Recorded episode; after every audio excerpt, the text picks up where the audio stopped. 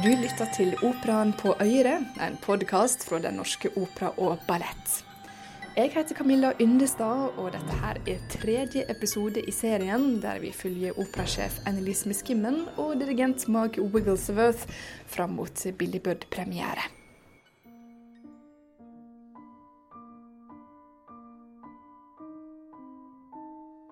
I don't have any nerves, not about the actual show. Of course, um, opera is a risky business.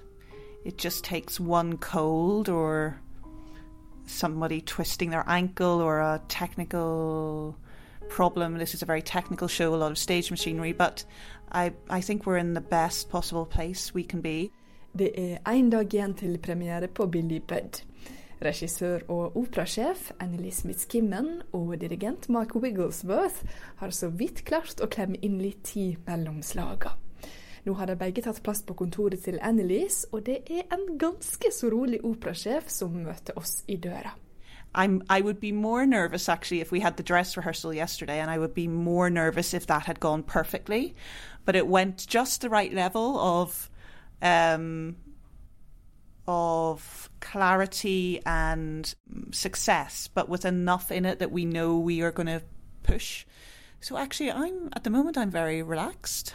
But then I'm I'm the director, and I always say we're like the father at the birth. You know, at this stage, we've had our fun, and we just have to step back and be supportive and allow everyone else to do their stuff. So uh, yeah. Uh, I'm more nervous normally during rehearsals than performances, to be honest. Sier dirigent Mark Wigglesworth. I love I love the performances so much. There's something so um, in the present moment about them, and you don't have to be critical yourself.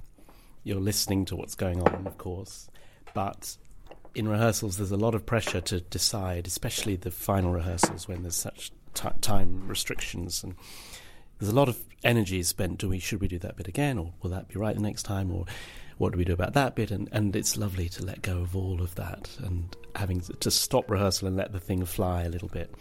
Is uh, that's the privilege part of the job beautiful theatre. I mean, I mean, the pit is so. Uh, it's the nicest pit I've ever worked in. Not only is the space, which is healthy for the musicians, but there's something about there's something about it where you have contact, still have contact with the musicians. And often in a pit, it gets very dark, and you you sort of know the horns are over there because you hear them, but you can't really see them. And it's been lovely to to feel like you can have fantastic contact with the stage and fantastic contact with all the musicians in the in the pit, and it sounds beautiful. It, often, for the conductor in a pit, it doesn't sound as it does out in the audience, and although it's not exactly the same, I, I get a pretty good idea. And so that's to feel like you're hearing what the audience will hear, almost makes it much more relaxing to influence that. You're not you're not um, guessing, and uh, and the te- technology of the production and. Uh, and of course, it's always a little bit fingers crossed with things like that, but it's so thrilling to see what the theatre can do as a space and, and uh, the technology behind it is. Um, it's, it's, I think it's going to be um, some. There are some theatrical moments that are going to be really breathtaking for the audience. Which moments are you thinking about then? Well, I wouldn't want to give any game away, but um, uh, I think the uh, capability of the theatre is really stretched to its full, and that's going to be something people should come and see and um, be th thrilled by. Prøvene på Billy Budd har pågått siden november i fjor. De to siste ukene har de tatt plass på hovedscenen. Annilese er ikke i tvil om hva som har vært det mest overraskende i prosessen. How much fun it's been. Um, I think that when you're a director, of course, you always hope that you'll have fun together because I think that the best work is done when you work very hard, but there's a freedom in the room, and everyone can be themselves.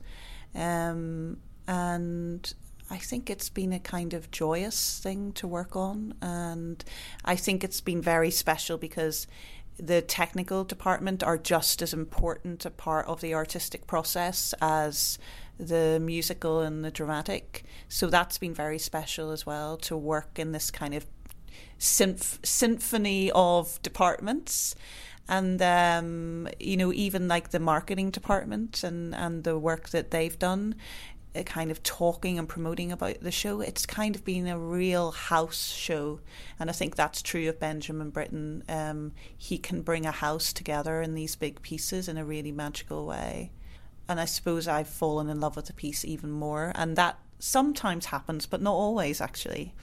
So um, sometimes you leave a piece liking it a little bit less because it doesn't have it doesn't reveal itself to you constantly. But every time I hear the piece, you know, I've heard some of it hundreds and hundreds of times, and I just am I'm a bit obsessed by it. I'm addicted to it.